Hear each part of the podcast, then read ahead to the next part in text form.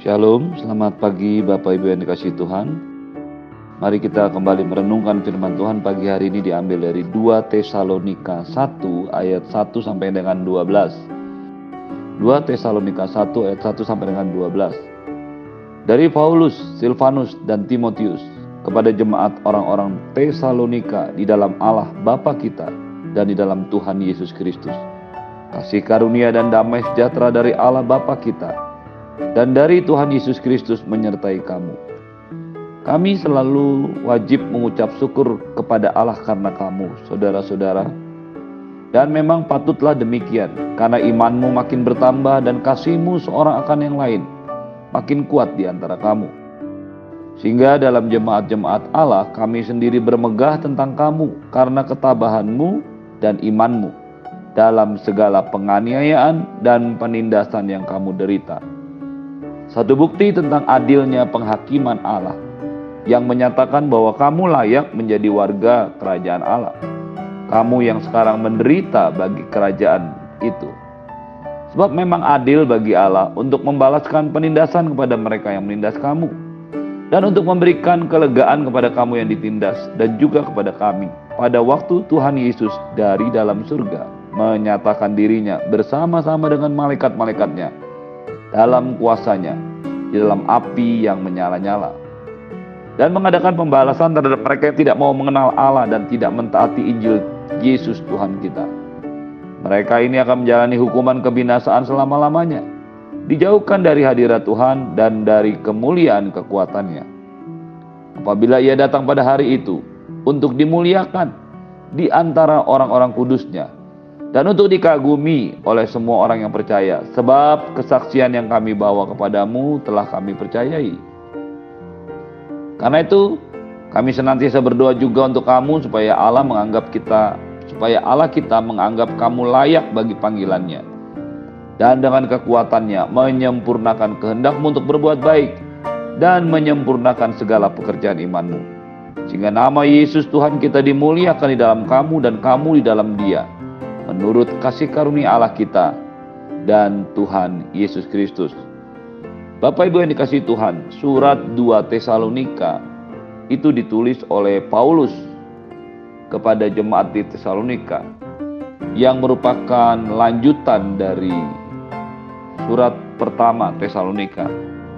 Kata lanjutan tidak menunjukkan bahwa surat ini dibuat berurutan dalam artian satu lanjutan waktu. Kalau kita melihat apa yang dituliskan di dalam 2 Tesalonika, maka kita akan menemukan bahwa surat ini ditulis setelah beberapa waktu setelah surat pertama yang ditulis. Jadi tidak merupakan urutan langsung. Dalam artian setelah selesai surat 1 Tesalonika kemudian dilanjutkan dengan dua. Tapi memerlukan beberapa waktu Beberapa sejarah penulis Alkitab menyatakan bahwa penulisan kitab 2 Tesalonika ini diperkirakan sekitar tahun 50 sampai 51 Masehi. Surat ini ditulis oleh Paulus yang sama dan beberapa penafsir Alkitab mengatakan surat ini ditulis ketika ia masih berada di Korintus, daerah Akaya. Jadi kondisi yang dituliskan kondisi jemaat Tesalonika pada saat surat kedua Tesalonika dituliskan, mereka ternyata sudah mengalami beberapa penindasan dan penganiayaan dan itu masih berlangsung sampai pada saat surat ini ditulis. Itu sebabnya mengapa Paulus memberikan salam yang sangat luar biasa buat mereka. Dari Paulus, Silvanus atau Silas dan Timotius kepada jemaat orang-orang Tesalonika di dalam Allah Bapa kita dan di dalam Tuhan Yesus Kristus. Dengan jelas Paulus menyatakan jemaat orang-orang Tesalonika di dalam Allah Bapa kita dan di dalam Tuhan Yesus Kristus. Jemaat harus selalu terhubung. Jemaat harus selalu berada di dalam Allah Bapa dan dalam Tuhan Yesus. Gereja yang di luar Allah Bapa dan Tuhan Yesus. Gereja yang di luar kehendak Allah Bapa dan Tuhan Yesus adalah gereja yang tidak lagi berjalan di dalam kebenaran. Kita harus bisa memastikan bahwa kita umat Tuhan, gereja selalu ada di dalam Bapa dan di dalam Tuhan Yesus. Berikutnya yang kedua dikatakan kasih karunia dan damai sejahtera dari Allah Bapa kita dan dari Tuhan Yesus Kristus menyertai kamu. Penting buat kita menyadari hidup Anda dan saya adalah hidup karena kasih karunia. Bukan hanya hidup lahiriah, tapi kehidupan yang Anda dan saya hadapi hari-hari ini maupun kehidupan kekal yang akan kita nikmati nanti, semuanya adalah karena kasih karunia Tuhan. Perbuatan baik usaha kita tidak bisa menyelamatkan, tetapi semuanya karena kasih karunia Allah. Dan kasih karunia Allah itu berlanjut dalam hidup Anda dan saya. Kita harus hidup senantiasa dalam kasih karunia dan damai sejahtera Allah, senantiasa dalam hidup kita. Tetapi hidup dalam kasih karunia dan damai sejahtera yang diberikan oleh Allah melalui Tuhan Yesus tidaklah membebaskan Anda dan saya untuk mengalami hal-hal yang mungkin tidak kita inginkan. Tidaklah membebaskan kita dari tanggung jawab kita untuk menguduskan diri dan menguatkan diri kita untuk hidup benar di hadapan Tuhan. Kasih karunia yang diberikan oleh Tuhan Yesus tidak membuat Anda dan saya menjadi pasif dan hanya sekedar menerima kasih karunia, apalagi hanya menyadari hidup dalam satu kesadaran kasih karunia. Hal ini terbukti daripada ayat yang ketiga. Firman Tuhan pagi hari ini kita baca, kami selalu wajib, maaf, kami wajib selalu mengucap syukur kepada Allah karena kamu saudara-saudara dan memang patutlah demikian karena imanmu makin bertambah dan kasihmu seorang akan yang lain makin kuat di antara kamu. Menarik untuk kita perhatikan bahwa ini adalah rangkaian surat yang sama yang dituliskan oleh Paulus. Pada saat dia menuliskan kasih karunia dan damai sejahtera dari Allah Bapa kita dan dari Tuhan Yesus Kristus menyertai kamu, dia juga menyatakan bahwa jemaat di Tesalonika, orang-orang percaya, itu imannya makin bertambah dan juga kasihnya seorang akan yang lain makin kuat. Dengan kata lain, kasih karunia yang diberikan kepada Anda dan saya, kepada orang percaya di Tesalonika dan juga kepada Anda dan saya, kepada gereja Tuhan, tidaklah membebaskan kita dari kehidupan yang harus semakin kuat dan semakin bertambah di dalam Tuhan.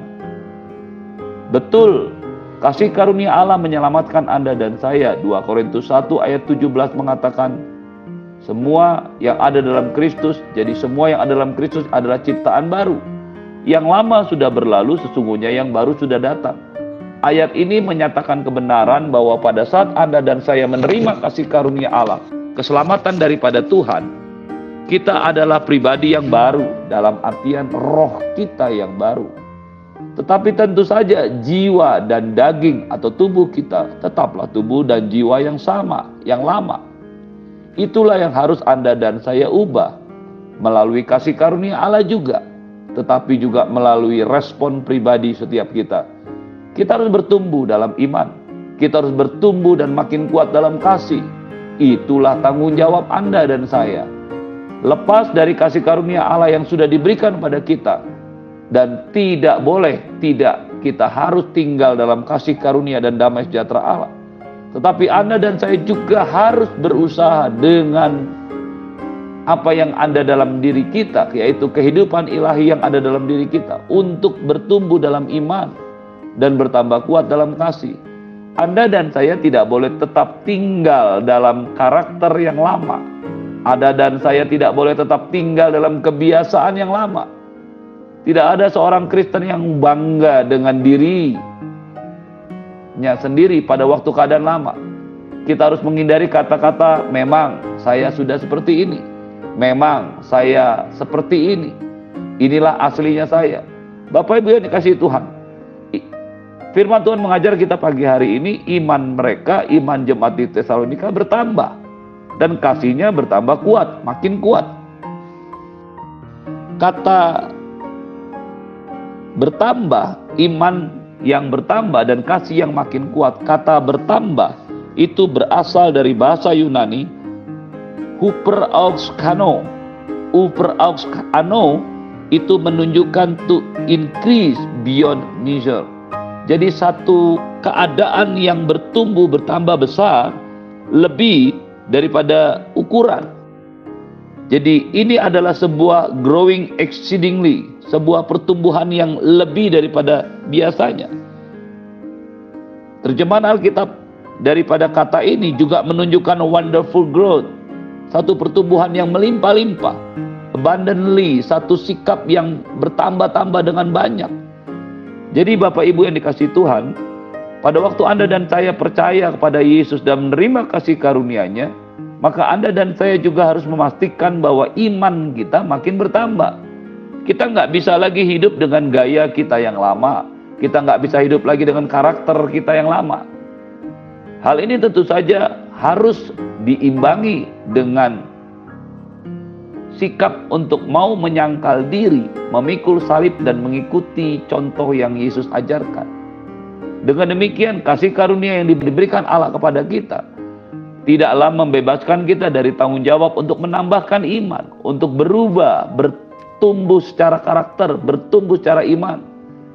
Dan ini saja secara linier harus diimbangi dengan sikap hati kita untuk meninggalkan kebiasaan lama, kebiasaan buruk atau dosa. Anda dan saya harus bertobat dari semua kesalahan, semua dosa yang pernah Anda dan saya lakukan Sebelum kita bertobat menerima Yesus sebagai Tuhan dan Juru Selamat pribadi. Setelah kita bertumbuh mengikut Tuhan dengan kasih karunia Allah, kita bisa bertumbuh. Kasih karunia Allah lah yang membuat Anda dan saya bertumbuh. Tanpa kasih karunia Allah, kita tidak bisa bertumbuh. Kehidupan ilahi yang diberikan dalam diri Anda dan saya, itulah yang membuat kita bertumbuh. Tetapi sekali lagi, itu juga memerlukan usaha kita untuk bertumbuh, untuk bertambah-tambah makin kuat Ketika pertumbuhan rohani kita bertambah kuat, ketika pertumbuhan iman kita bertambah bertambah secara luar biasa, maka hal itu akan bisa dilihat dan dinikmati oleh semua orang. Bahkan juga oleh para hamba-hamba Tuhan yang membimbing kita. Sehingga Paulus berkata, sehingga dalam jemaat-jemaat Allah kami sendiri bermegah tentang kamu. Karena ketabahanmu dan imanmu dalam segala penganiayaan dan penindasan yang kamu derita. Bagaimana iman kita bertumbuh? Iman kita bertumbuh juga melalui penganiayaan dan penindasan yang diizinkan Allah terjadi dalam hidup kita. Jadi hari-hari ini berita tentang penganiayaan dan berita tentang penindasan yang mungkin yang diizinkan Tuhan terjadi dalam hidup kita haruslah berita-berita seimbang, pesan-pesan yang seimbang dengan berita-berita atau pesan-pesan firman Tuhan yang menjanjikan berkat, keadaan yang menyenangkan maupun hidup yang berkelimpahan. Tidak ada yang salah dengan berita tentang hidup berkelimpahan karena itu memang janji Tuhan. Tetapi semua berita tentang kelimpahan hidup yang menyenangkan, sukacita yang penuh, damai sejahtera daripada Allah haruslah diimbangi juga dengan berita kesiapan untuk Anda dan saya menderita jika Allah mengizinkan. Sukacita karena berkat Tuhan, bersukacita karena situasi yang diinginkan terjadi, sesuatu yang diharapkan terjadi, sesuatu yang kita imani terjadi, haruslah seimbang dengan sukacita karena penderitaan dan penganiayaan karena nama Yesus. Firman Tuhan mengajar kita pagi hari ini bahwa penindasan dan penganiayaan merupakan hal yang biasa dan normal bagi kehidupan kekristenan. Setiap orang percaya harus siap untuk dianiaya dan menderita. Setiap orang Kristen harus siap mengalami penindasan karena iman mereka. Mengalami tekanan dalam hidup oleh karena Injil, oleh karena kebenaran kerajaan Allah. Ketika Anda dan saya hidup jujur dan karena itu kita dimusuhi, tidak disukai, bahkan ditindas oleh orang. Maka itu merupakan satu bagian daripada kehidupan iman kita.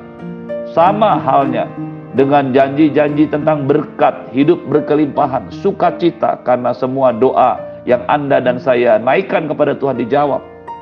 Hari-hari ini kita harus belajar percaya bahwa kedewasaan rohani kita tidak hanya ditentukan oleh jumlah atau bagian doa kita yang dijawab Tuhan. Tetapi ada juga bagian di mana kita mengalami seperti yang dikatakan oleh Esther ketika ia memutuskan untuk menghadap Raja Ahasveros. Dia berkata, sekiranya Tuhan tidak menolong, maka dia tetap akan datang kepada Tuhan dan percaya kepada Tuhan.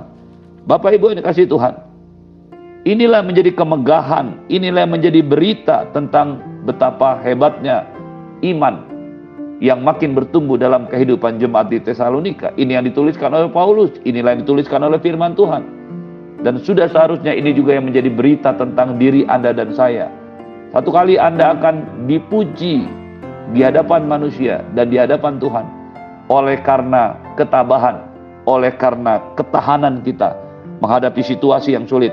Pandemi ini mengajarkan kepada kita bahwa pandemi tidak bisa menghancurkan iman kita, tidak bisa menghancurkan kasih kita kepada Allah, tidak bisa menghancurkan kerinduan kita akan Tuhan dan juga melayani Tuhan.